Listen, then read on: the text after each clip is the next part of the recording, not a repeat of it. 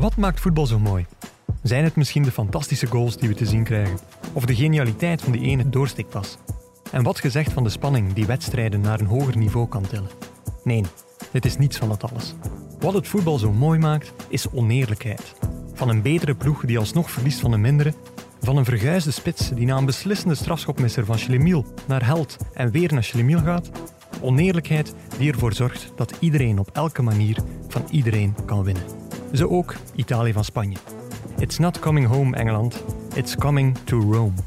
Welkom bij Shotcast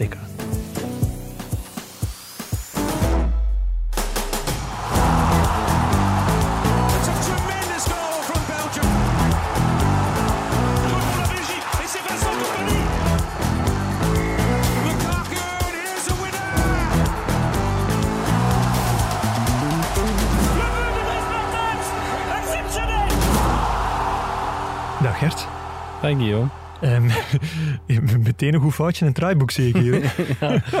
Amai, wat, wat gaat dit worden? Ik heb bij mezelf dag Guillaume en bij u dag Gert gezet. Ja, maar ik vraag me af, waarom staat die introductie er altijd in? Want En dat is voor de volledigheid, weten Gert. we dat wel. Dat is voor de volledigheid. dat we daarmee beginnen. Ja, ja. Zwat, ik ging net eigenlijk een heel beleefd of een, of een aandoenlijk woordje zeggen. Ik, ik ging net eigenlijk toegeven dat ik u wel gemist heb de afgelopen dagen. Oei, ja, ik ken u ook, maar ik dacht dat we dat over de record Ja, hielden. ouch. Nee, eh, maar allee, ik ga heel eerlijk zijn, ik miste niet zozeer u, maar wel altijd eh, de zeer aandoenlijke verhalen die je altijd deelt over jezelf, over je vrouw Els, over je zoon Louis en dan vooral over Louis, die zo graag met jou naar de Rode Duivels wil kijken en altijd prachtige voetbalverhalen heeft. Ja, En ik was aan het hopen, heeft die jongen nu, nu toch nog een beetje deugd gehad na de uitschakeling van de Rode Duivels? Kan hij toch nog een beetje van voetbal genieten of is het definitief voorbij? De switch is al gemaakt. Hij is al volop gefocust op de, de competitie van Zoals de volgend jaar. grote, ja. Met, met Zwarte Leeuwen, want daar voetbalt hem toch al bij de, de U7. Hè, want, eh, Toch al de groot- U7, ja, ja, maar dan, dan wordt, komt het wel heel dichtbij. naartoe. Ja. Eh, maar het was wel grappig. Hij vroeg vandaag, echt, eh,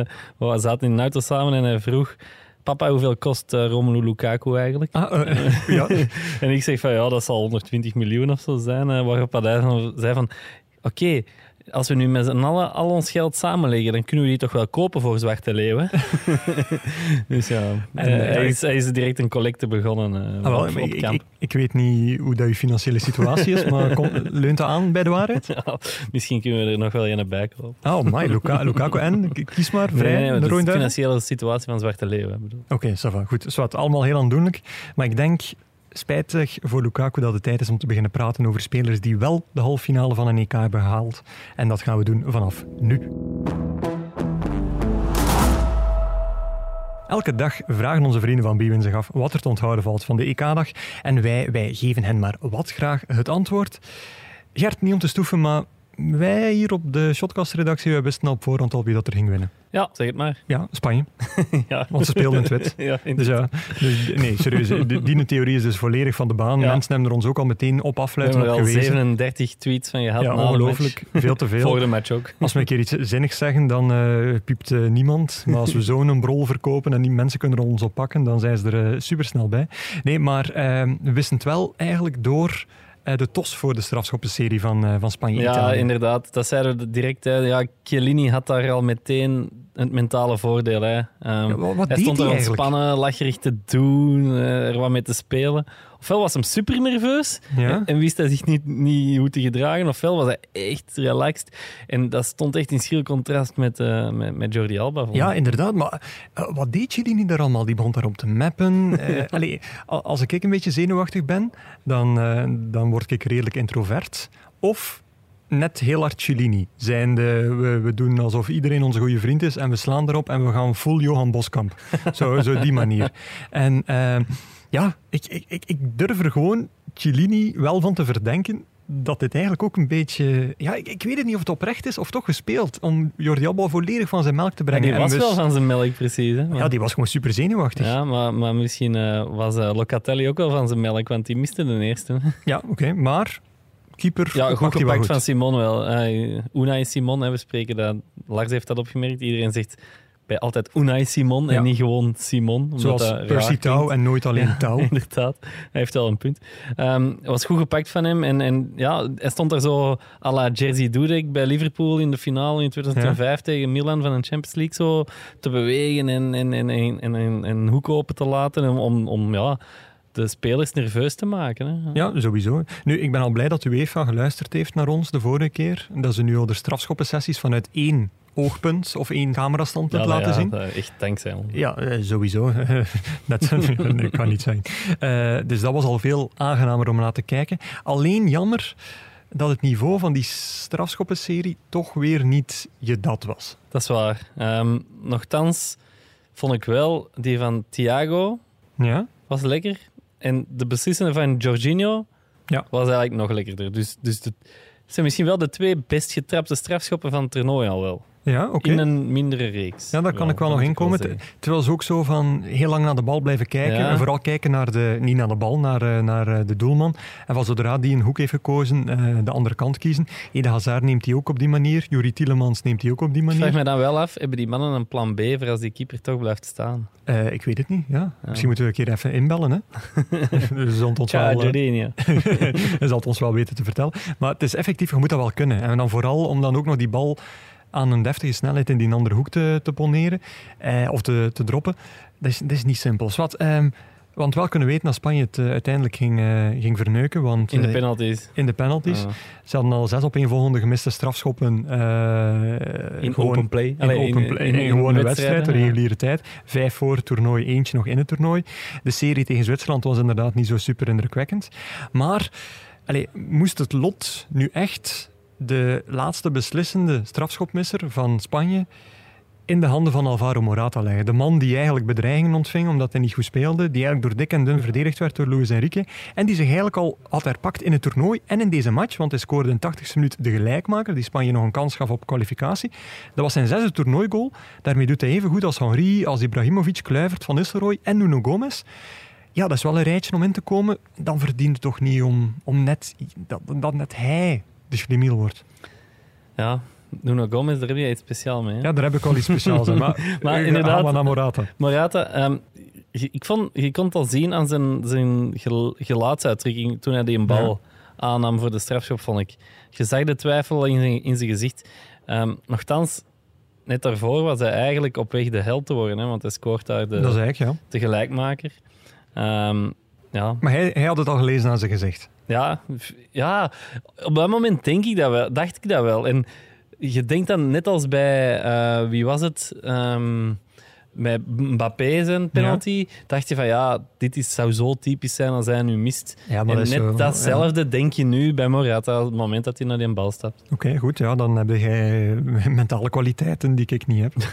Oké, dat is straf. Maar wat, moet Luis Enrique hem die vi- vierde laten trappen? Omdat hij hem al Ja. zo door dik en dun verdedigd. Hij weigert hem dan uit de basis af te zetten, volledig terecht ook. Maar wil je nog die speler die al zo moeilijk ligt bij het grote publiek, die bepalende rol geven? Hij zal daar zelf toch ook wel een stemming gehad hebben, denk ik, hè, Morata. Ik hoop Allee, het voor hem. Hij zal toch zelf hebben gezegd van ja, ik wil trappen. Is de vierde oké? Zal hij ook wel ja gezegd hebben, vermoed. Oké, ça va. Nee. Ehm, wie gaan we buiten Morata en de cargo pants van eh, Luis Enrique nog missen bij Spanje? Hij had ze vandaag niet aan, hè? Nee, hij had zijn skinny jeans Ja, hingen, deze keer. Nooit Leven de uw cargo eigenheid pants. verloochenen. Bring back the cargo Ja, pants. Ook al lachen we ermee, Louis. Nee, ja, Uzelf blijven, vriend. ja, inderdaad. Ja. Maar wie gaan we echt missen? eh? Ja, Pedri, hè. Oké. Hij was vandaag echt fantastisch. Hè. In, de, allee, in de reguliere speeltijd, ik heb nadien de statistieken niet meer gezien.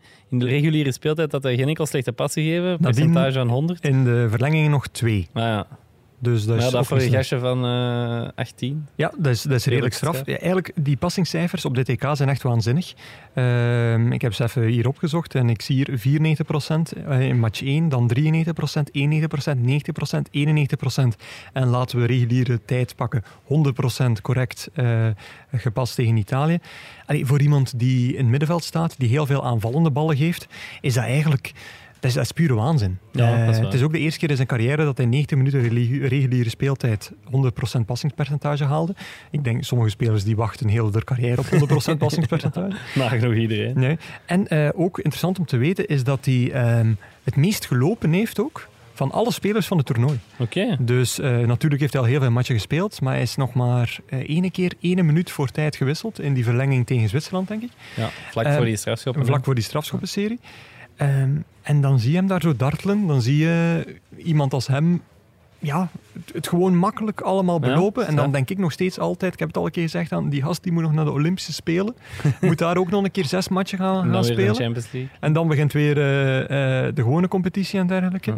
Ik zou toch zeggen van jongens, eh hou Pedri thuis van de Olympische Spelen. Ja. Maar ik weet niet, eh, jij Hij gaat wel met zijn haar naar de Olympische Spelen, hè, want hij had gezegd... eh? Ja? ja, hij had voor de wedstrijd had hij gezegd dat hem eh, zich kaal zou scheren als eh, Spanje Europees kampioen zou worden. Dus misschien gaat het eraf als ze Olympisch kampioen worden, dat weet ik nu niet, maar het zal niet voor nu zijn. Elk nadeel heeft zijn voordeel. Ja. Eh, wat mij ook intrigeert aan Pedri is, is zijn rugnummer. Want eh, ik zie hem daar zo plotseling met 26 spelen. En elke selectie mag nu 26 spelers Ja, hebben. Je moet nummer ja. 1 tot 26 uitdelen. Maar Spanje heeft helemaal geen 26 spelers geselecteerd. Dus Ja. mag dat dan? Of? Ja, ik, ik heb gezien, denk ik, volgens mij ontbreekt nummer 24 in de selectie. Oké. Dus, goed. ja. En, en waarom dan de 26 voor Pedri? Ja, ik, ik vermoed, hij speelt bij, Spanje met, bij Barcelona met 16. ja? Ehm, volgend jaar gaat hij met 6 spelen daar. dus hij heeft iets met 6. Ja, misschien heeft hij iets met 6. Oké, en 16 en 6 was al bij Spanje bezet waarschijnlijk. Ja, Toen waarschijnlijk. was zijn status nog... Ik denk Ja. als hij nu nummer nu, 6 als hij wil... nu zegt ik wil de 6, dan, dan had hij wel de zeggen, 6 doe maar krijgen. manneke. Waarschijnlijk wel. Eh, nog iets wat we moeten onthouden van dit, eh, van dit Spanje? Ja, nou wat ik eigenlijk vandaag zag van Spanje, ehm, ja, het is sowieso een ploeg waar we de komende jaren rekening mee moeten gaan houden. Als ze nog een goede keeper vinden. Altijd weer die keeper. Ja.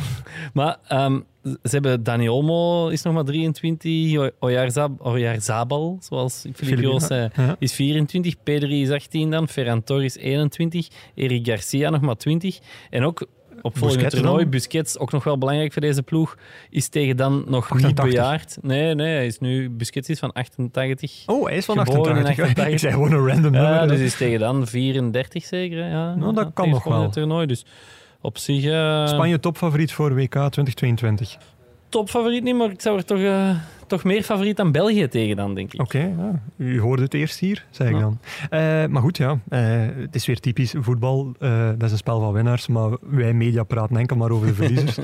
dus laten we ook iets zeggen over Italië. Want ja, ik vond Italië eigenlijk heel veel weg hebben van het België dat tegen Italië gespeeld heeft en Ja. verloren heeft. Het enige verschil was eigenlijk ehm, ja, dat Italië er deze keer wel in slaagde om te winnen. Maar eigenlijk lag het ook onder in het spel grotendeels. Het lag tactisch onder, maar het kreeg ook effectief wel kansen om het, eh, om het af te maken. En Italië heeft het gedaan en het, eh, het volgehouden tot en met minuut 120. Hoewel ze eigenlijk in de verlenging niet super onder druk kwamen te staan. Ze creëren eigenlijk nog redelijk wat. Maar vind je dat een vergelijking die een beetje steek houdt? Of? Ja, eigenlijk wel. Ehm, vooral omdat het, ja, ze hadden het lastig. En, maar met die goal van Chiesa eh, leek het wel Spanje een lesje in efficiëntie te leren. Hè. Allee, Ja. Dus Spanje had eh, al kans gemist via Dani Olmo. Dan, Dani Olmo. Olmo? Op het einde ook nog Oyarzabal die eentje mist. is Allee, ook een moeilijke naam? Ja, toen zei ik twee keer van... Ja, dat zijn echt wel kansen dat je tegen een ploeg als Italië wel moet, moet afmaken. ja, want anders dan komt het niet goed. Ja, ja. En, en eigenlijk, Chiesa, die goal, eh, ja, alsof die uitschakeling door de Italianen nog niet erg genoeg was, dan moeten ze ons ook ons, ons Japan-momentje, ons uniek Japan-momentje afnemen. Want ja, eh, de wereld zal, eh, ja, die kijkt altijd naar de laatste goal en die zal nu niet meer spreken over Courtois eh, tot Chadli, maar van eh, Donnarumma tot Chiesa, want er waren enkel maar parallellen met die goal bijna. hè. Ja, al was die counter van de Rodels tegen Japan wel iets zuiverder. En nu Ja, kwam er nog een, een, een verdedigende, tackelende Spanjaard tussen. Dan, dus dan hebben we dat toch nog gelukkig. ja, nog een beetje oefenen. Eh, Gert, eer wie ere toekomt, na 30 minuten, toen Ja, Spanje ja. eigenlijk aan het drukken was, zei hij van, "Mo, Italië wint. Ja, dat was eigenlijk vooral omwille van die gemiste kansen van. Spanje op dat moment. Toen had ik zoiets van, ja, dit De is... clichéwet. Ja, maar ja, dat gevoel had ik gewoon echt, dat ze dat killersinstinct missen. Ze waren dan wel beter. En, en- maar dat in combinatie met eigenlijk een ploeg die nog net iets te jong is. En een Italië dat op toerental kan komen nog. Mhm. Vond ik toen... pff, dacht, zag ik het wel goed komen voor Italië. Ik had niet gedacht dat het eigenlijk eh, zo spannend ging worden. Hè. Bij die goal Nee. van Chiesa dacht ik echt... Ja, het is binnen voor de Italianen. Oké, goed. Eh, hoe leuk was het eigenlijk om eh, een keer een ploeg erin te zien slagen om de sterke punten van Italië toch te neutraliseren? Ja, slimme zet van Luis Enrique. Hè. Hij speelde met een valse 9. Een beetje een dubbele oplossing eigenlijk, want je sticht verwarring in het Italiaanse middenveld. Ehm, en gelokt Chiellini, Bonucci uit hun comfortzone. Want Ik vind het heerlijk als je tactisch die analyseert. mannen, ja, maar dat is, die mannen zijn gewoon van in duel te spelen.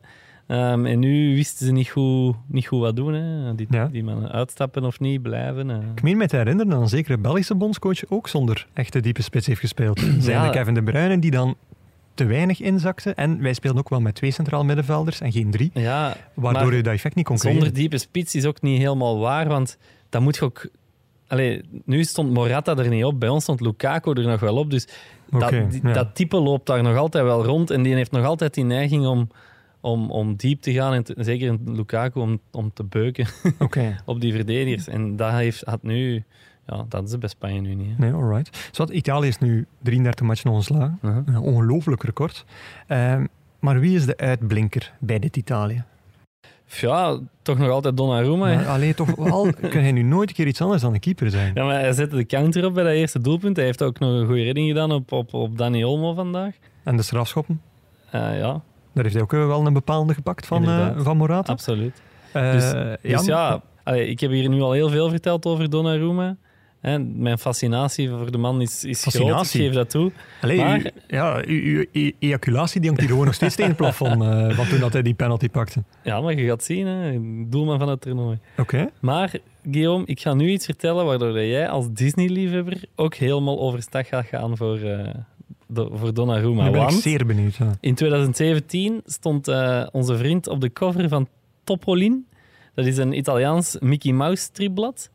Ehm, en op, Is dat was- niet Topolino? Of Topolino, sorry. Ja. Ehm, en hij stond daar op, een, eh, op de cover. Met, hij werd zo geïnterviewd. De neefjes van Donald Duck die interviewden een, en ja, een gigantische eend in keepers outfit. En dat was eh Paperuma, werd die dan genoemd. En dat is dan een verwijzing naar eh, Paperino, dat is dat Italiaans Ja. voor Donald Duck. En ehm, ja, hij was toen nog maar 18 jaar, maar daarmee trad hij in, in de voetsporen van eh Paggio. Dat was dan Ja. Roberto Baggio, Ja. die had op die cover gestaan. Eh Papertotti, Ja, hè, dus Totti. En Tuffon. Dus wie zou die- dat zijn? ja, Buffon. dus ehm, ja, Ja, eh, het heeft eigenlijk het tegenovergestelde effect. Oeh. Ja, iedereen die ik niet ben, die een Disney-karakter krijgt, dat is gewoon een persoon extra om gehaat te worden. oh. Dat is het gewoon. Zowat, eh, ik, ja, ik begrijp de liefde. Ik heb ook eh, hoe dat hij vandaag eh, zich, zich weer op dat veld tentoonspreidde. Hij ging ene keer onder een bal door. Ja. Maar voor de rest, ja, je ziet aan alles dat dit gewoon... door echt 90 minuten naar hem te kijken in een wedstrijd, zie je echt van wow. Ja, Dit- 22 jaar en hij heeft al dit- dit is een 150 klas apart. matchen op het hoogste niveau Ja, gespeeld. Dat is echt waanzin. Ik, ik ben volledig mee op de Donnarumma-trein, Oké, u. Goed, moeten Morgen we... nog uh, en we zijn helemaal vriendjes. En we zijn helemaal vriendjes. Eh, moeten we nog wat woorden vuil maken aan de UEFA? Die per se weer een, een autootje op het veld wou sturen, omdat ze de nieuwe bal voor de eindfase wouden promoten. Want dat is nu ook een nieuw dingetje sinds het vorige EK, denk ik. Dat ze zo na de kwartfinale plotseling ook van bal verwisselen. Of zo in de eindronde of ja, in de. Maar ik vind het belangrijker om nog iets te zeggen over Felix Brich of Broog of Broeg, hoe zei uh, Filip Joos het? Maar wel, Eh, Felix, Brug, denk ik. Brug, ja. Maar, eh, wij houden het bij Brieg. Maar wat, wat wilde dan van Brieg zeggen? Want dat kan weinig goed zijn als ik hem eh, België, Portugal eh, Ja, herinner. Hij droeg Copa Mundials. Ah, De die, eh, Copa Mundials, de me- meest iconische voetbalschoenen. dus alles is vergeven voor België, Portugal. dan. nee, dat is ik niet. Nee, maar toch, toch al een eerste. Dus wat, eh, één wedstrijd was het vandaag. En die hebben we uitgebreid besproken. We zijn weer helemaal mee. Dus tijd om over te gaan naar de wisselrubriek.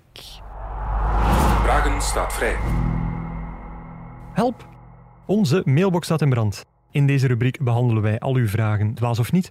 Eh, Gert, vandaag geen vraag uit de mailbox. Wel eentje dat binnenkwam via, via Twitter. En wel door verschillende luisteraars die het ofwel heel kort ofwel in het lang en breed hebben doorgestuurd. En ook wel een vraag waar ik zeer benieuwd ben naar het antwoord. Want Gert, ik kan het zelfs bijna niet uitspreken, maar waarom bereiden de Engelsen zich op een eerste halve EK-finale sinds 1996 voor in een zwembad op opgeblazen eenhoorns, rainbow unicorns Ja. eigenlijk. Het is wel een dingetje, inderdaad. eh. Vertel er mij alles over. Ja, dus ehm, ja, heel Engeland is, is, is in de ban van de opblaasbare eenhoorn. Ehm, But why? ja, ze waren er al op het WK 2018. Oké. Ehm, en nu zijn ze er terug na de winst van Oekraïne. Ehm, want ja, plots, hè, dus, eh, de, de Engelsen waren aan het terugreizen van Rome naar, eh, naar Londen. Hm? En plots eh, postte het account van de Engelse nationale ploeg op Twitter zo een foto van een eenzame eenhoorn in het zwembad op het basecamp met They are back. En ehm, wat later kwamen er dan foto's van gasten als Saka, Rice, Mount en Sancho. En op die beesten, allee, Ja. op die opblaasbare eenhoorns. Want die waren echt... buiten zinnen dat ze daarop mochten en op konden, want zij Want die waren er niet bij. in die waren er niet bij in 2018. 2018 en zij hadden toen ook foto's gezien. Ehm, wat, wat was er toen? toen? Toen doken die foto's ook op bij van die ontspanningsmomenten. Ja. Ehm, en ja, op een of andere manier is dat toen een dingetje geworden op sociale media. De Engelse ploeg heeft dat dan wat uitgebuit om zo Ja. een beetje een, een, een jolig imago te krijgen en er zelf ook wat, wat grappen over te maken. Serieus, En nu ja. waren die er eigenlijk een heel toernooi niet. Was er ook al sprake van, ze zitten wel in het zwembad, maar zonder eh, eenhoorns. Dus de Waar spanning, zijn de ja, de spanning werd een beetje opgebouwd. Tot, tot na de match tegen Oekraïne waren er ineens eenhoorns. Maar het is eigenlijk nog, nog een groter ding geworden in Engeland. Dankzij een twitteraar, Johnny Sharples, Sharps.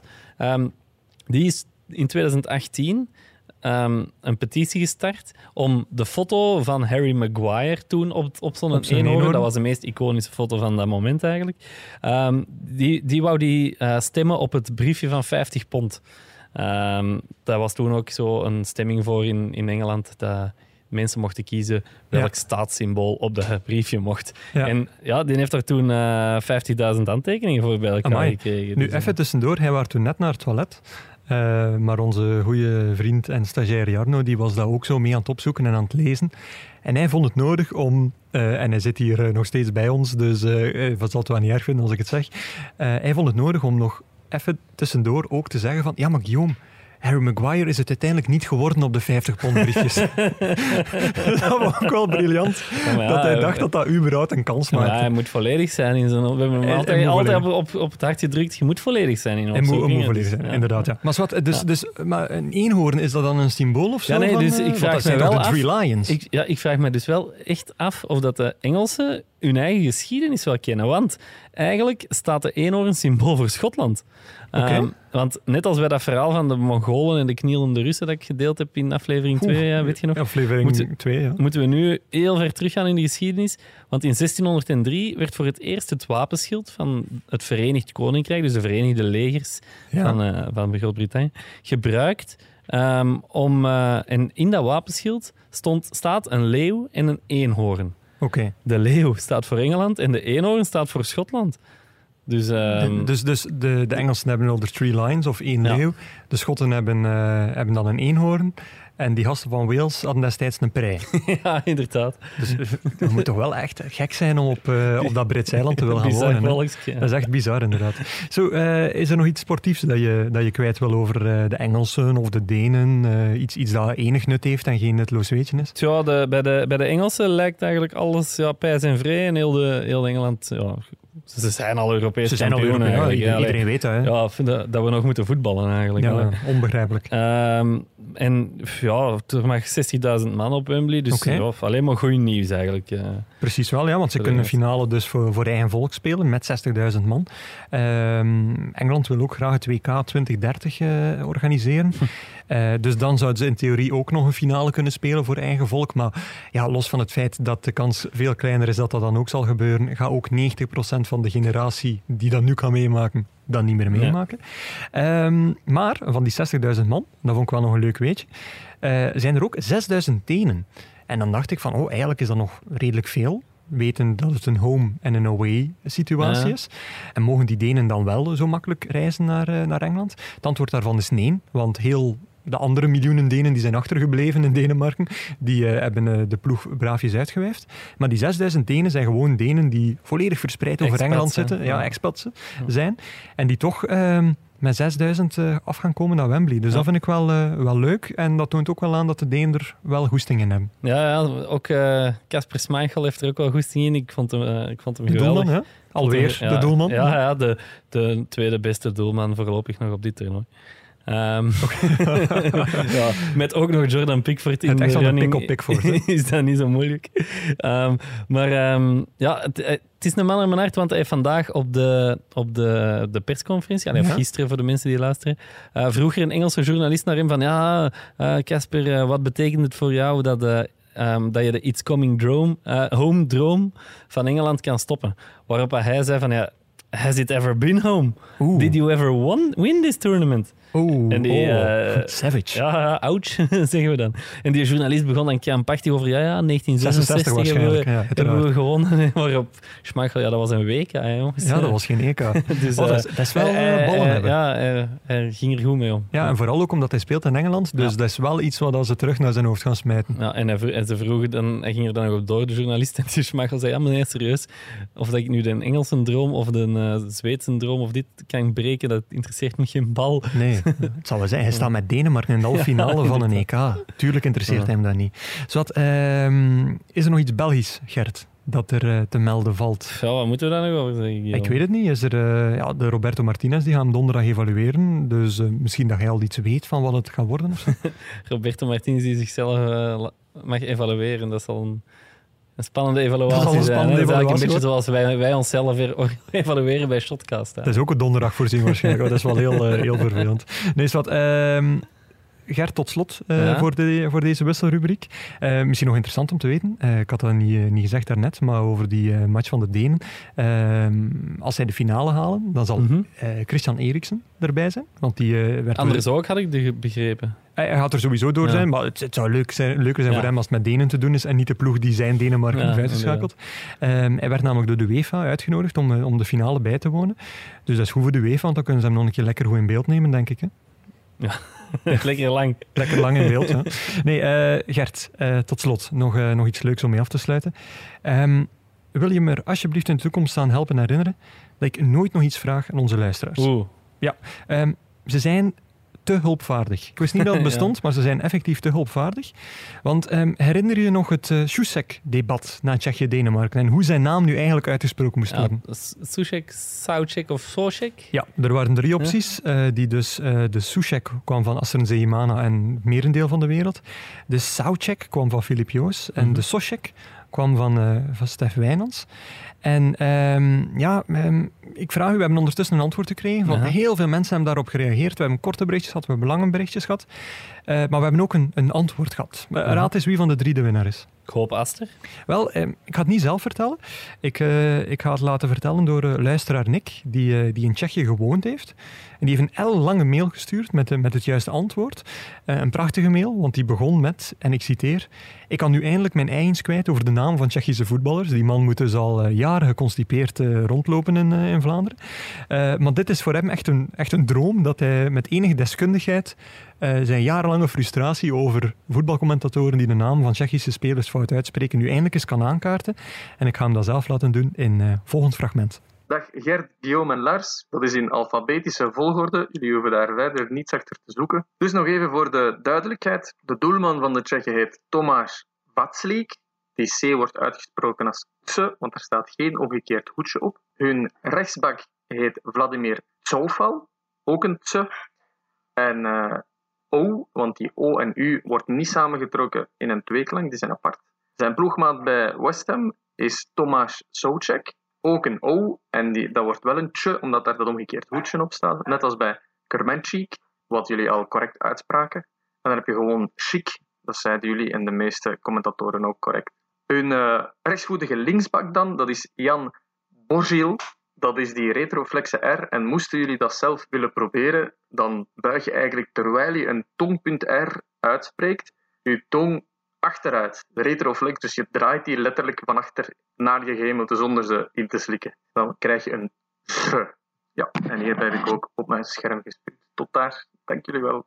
Ja, Gert, eh, proficiat aan, eh aan Filip Joos, want het Ja. is, eh het is eh Soucek. En eigenlijk, ehm, je kunt het pas goed uitspreken als je eerst de OOO van Frank Raas effectief even naar boven haalt. Want het is Soucek. Het is niet Soucek, het is Soucek. Ja, Ja, ja prachtig toch? Hè? inderdaad. Nu, ehm, een belangrijke vraag. Kun jij die retroflexe R na eh ik denk dat je dan ook gaat spreken op mijn eh, scherm hier. Bo- Broril. Ja, ik kan om- niet. ja, nee, dus je moet een punt R vormen met je, met dinges en dan naar binnen. Ja, Dus, dus, dus Jan Boriel wordt dan Jan Bo...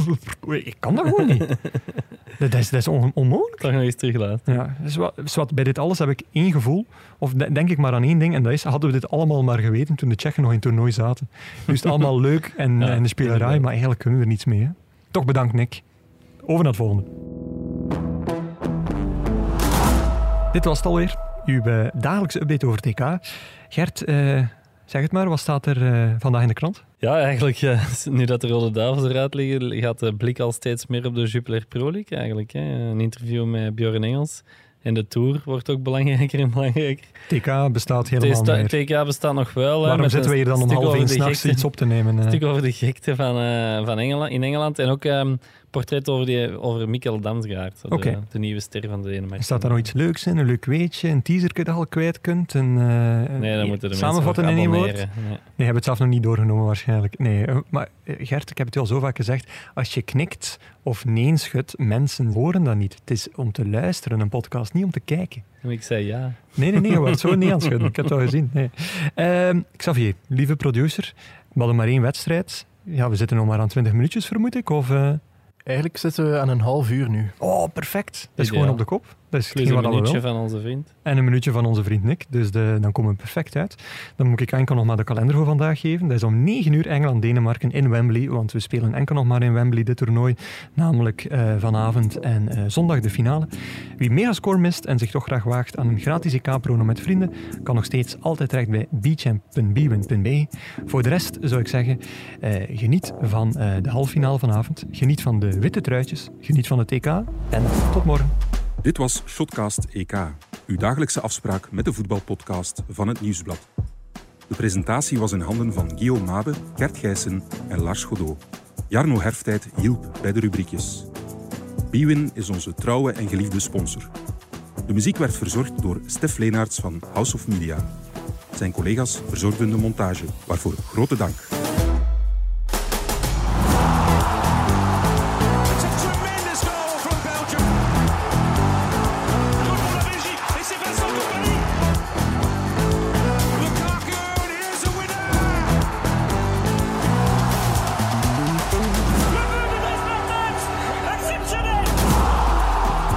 In nog een podcast van het Nieuwsblad?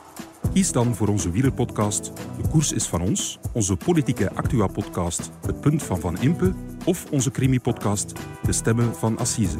Ook Slimmer Leven en ons magazine Billy kan u niet alleen lezen, maar ook beluisteren. En anders, tot morgen.